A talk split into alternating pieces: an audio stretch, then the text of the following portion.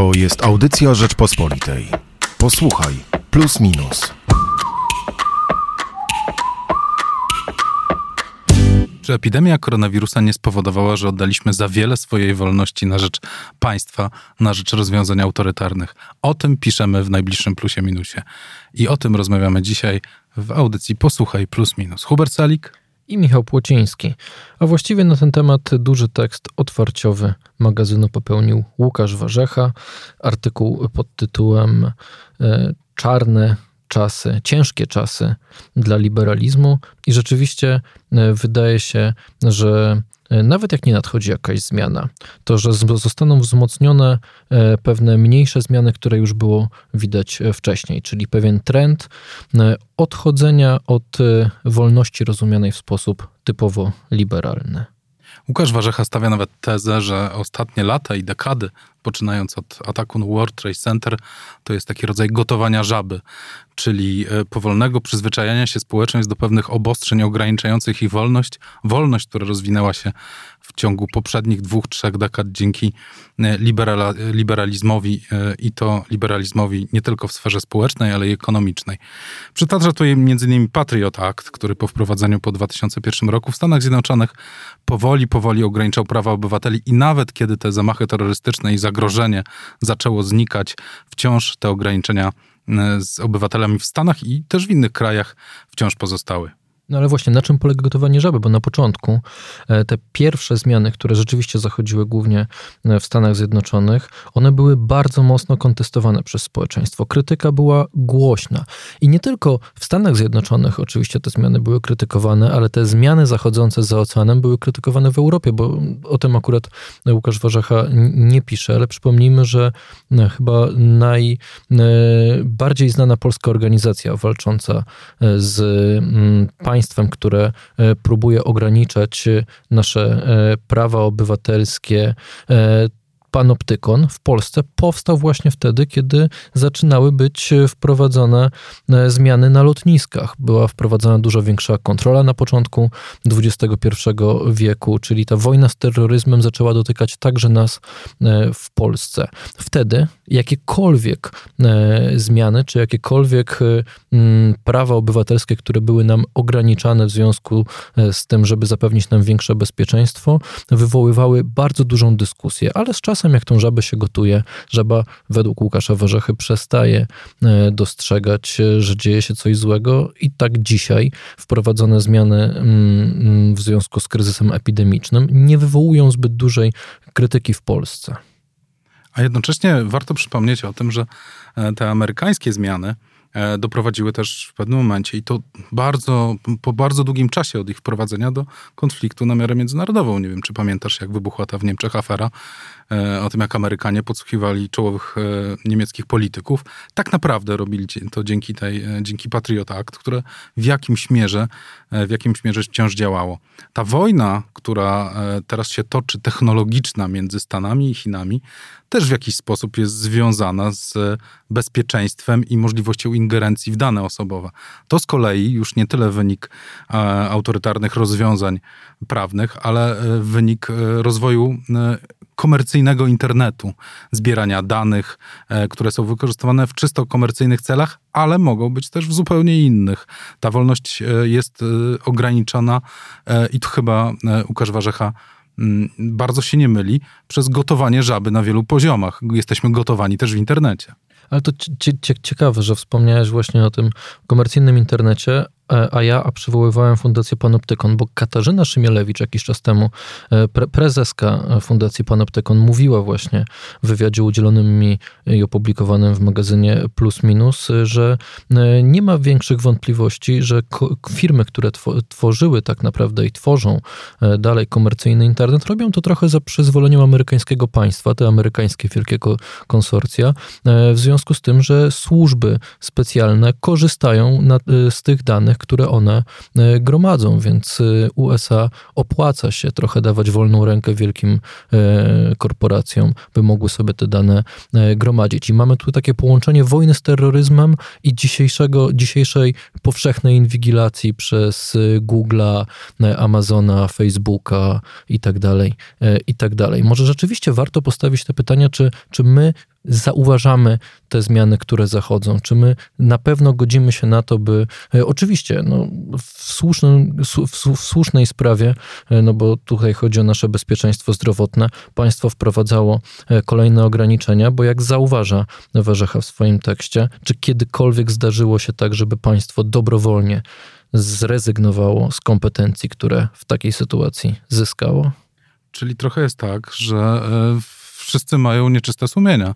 Amerykanie zarzucający Chińczykom to, że wykorzystują w zupełnie innych celach dane zbierane przez duże chińskie koncerny e, i tak samo oni sami, bo wykorzystują te dane w swoich własnych, e, często wywiadowczych celach. Mm, pytanie brzmi, jeśli jedno takie silne wydarzenie, którym było, ale jednak krótkie, jednorazowe, jakim był atak na World Trade Center, wzbudził takie fale, które trwają do dziś i, i zmieniły rzeczywistość na wielu poziomach, to czy e, coś, co wygląda na niestety e, dużo bardziej zmieniające rzeczywistość i trwające e, znacznie większy okres czasu, nie zmieni jeszcze bardziej te, tego autorytarnego podejścia państw i to się nie utrwali i przez to będziemy jeszcze bardziej inwigilowani i mniej będziemy na to zwracać uwagę, ale ciągle będzie nam się wydawało, że woda, w której pływamy jest po prostu ciepła. No i dlatego Warzecha zauważa, że ten trend może zostać e, wzmocniony. No, co nas czeka w takim razie po epidemii, jeżeli chodzi o państwo, jeżeli chodzi o politykę? Bo o tym pisze też profesor Andrzej Szachaj z Uniwersytetu e, Mikołaja Kopernika e, w Toruniu. Czy rzeczywiście jest tak, że w tej chwili na naszych oczach wraca polityka? Polityka rozumiana jako e, polityczny wpływ na rzeczywistość. Czy rzeczywiście my wcześniej trochę ten wpływ utraciliśmy, że rynki finansowe, że, że ekonomia po prostu to ona była głównym procesem zmieniającym świat, a politycznego wpływu już w XX, pod koniec XX wieku zbytnio nie mieliśmy? Czy myślisz, że teraz możemy, e, tak jak tezę stawia profesor Szachaj, ten wpływ odzyskać? W ogóle tezy profesora Szachaja są bardzo ciekawe, one są bardzo odważne. E, na przykład to, jak podkreśla, że populizm jest tak naprawdę mm, e, skutkiem zwycięstwa kapitalizmu nad demokracją, wolnego rynku nad polityką. Tak naprawdę ideologią dominującą stał się kapitalizm.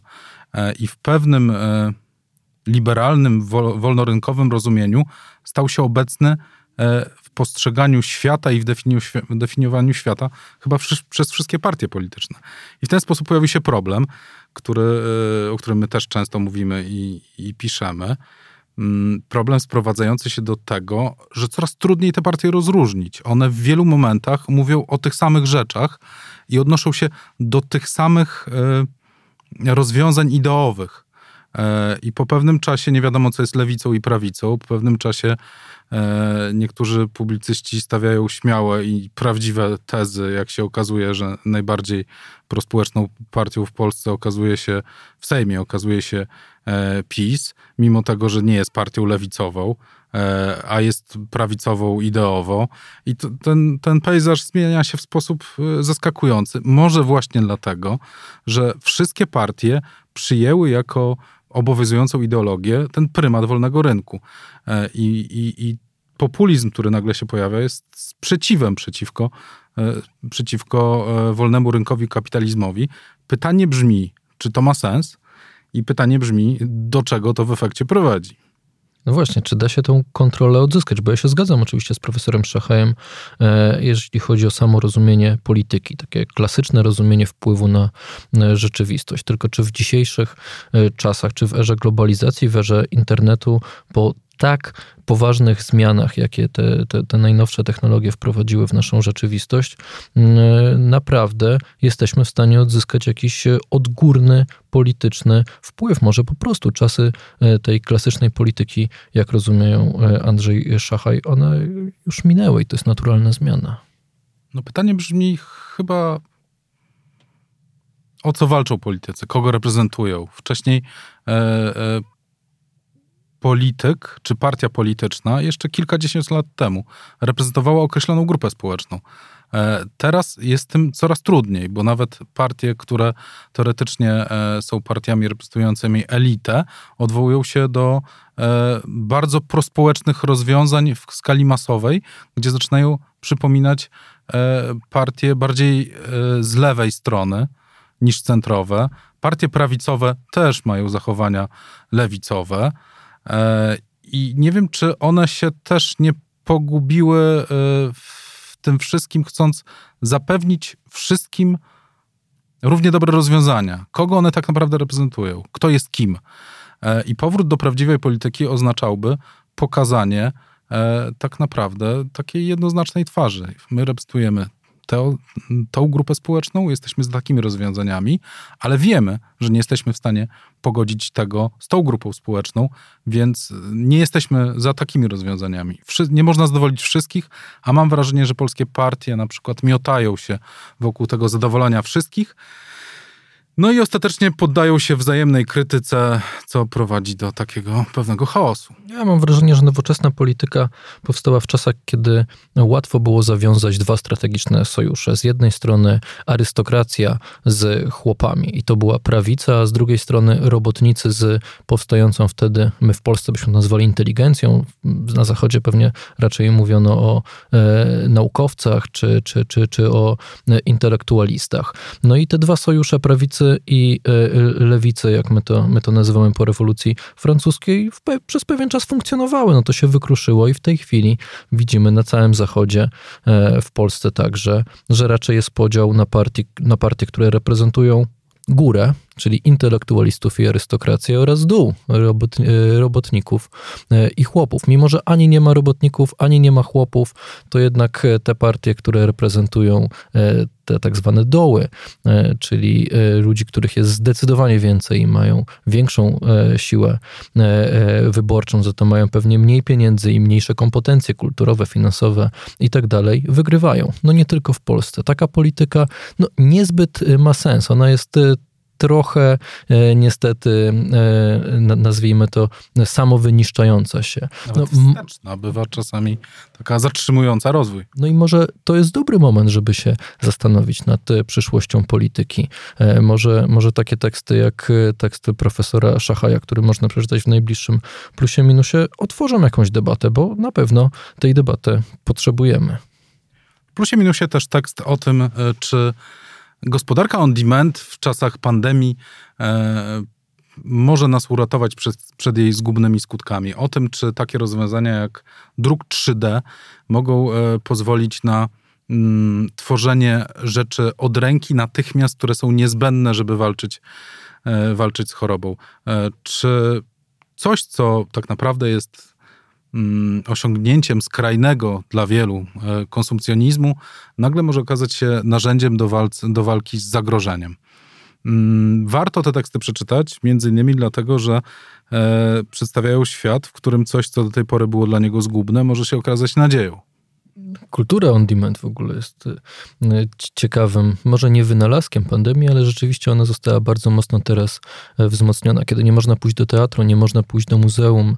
E, co prawda wciąż powstają e, nowe filmy, one wciąż są montowane, ale nie wiemy, czy będą kręcone kolejne na przykład sezony naszych ulubionych seriali, no bo w tej chwili plany zdjęciowe zostały wstrzymane. Wszystko przenosi się w tej chwili nie tylko do sieci, ale też e, zaczyna być e, współtworzone przez internautów.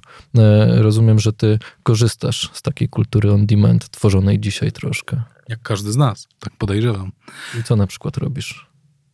Oglądasz jakieś słuchowiska tworzone przez internautów, czy Zdarza mi się spotykać e, ze znajomymi i słuchać wydarzeń artystycznych dzięki, e, dzięki Facebook Messengerowi, e, transmisjom online na Facebooku. Niestety obawiam się, że, że ta część tego zjawiska on demand, czyli ta kultura on demand, jest też trochę krzykiem rozpaczy, dlatego że ci ludzie są uzależnieni, twórcy artyści są uzależnieni od widzów w bezpośredni finansowy sposób. E, I to jest tylko takie przeciąganie sytuacji, e, pokazywanie, że wciąż istniejemy, ale nie wystarcza, może nie wystarczać na to, żeby żeby dalej egzystować. Sam doskonale wiesz, rozmawialiśmy o tym wielokrotnie, że w dzisiejszych czasach to na przykład dla muzyków głównym źródłem przychodów są koncerty. Jeśli te koncerty się nie odbywają, no to, to wcale nie jest tak różowo, to po pierwsze, a po drugie, trudno jest przy obecnym podejściu do konsumpcji treści online, e, żeby wprowadzić bilety na tak. Tak, tego typu imprezy, zwłaszcza, że, e, że rywalizacja jest spora, gdyż e, wszyscy ludzie siedzący w domach, którzy mają jakiekolwiek aspiracje artystyczne, starają się je pokazywać. Tak, no niektórzy twierdzą, słyszałem takie głosy, że a przecież muzycy mogą grać koncerty teraz na Zoomie czy, czy gdziekolwiek w sieci.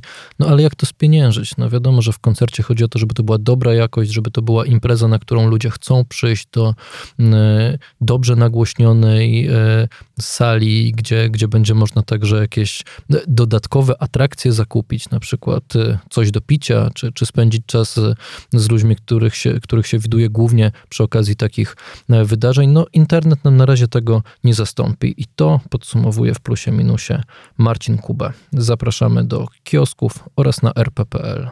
To był podcast Posłuchaj plus minus. To była audycja Rzeczpospolitej. Posłuchaj plus minus.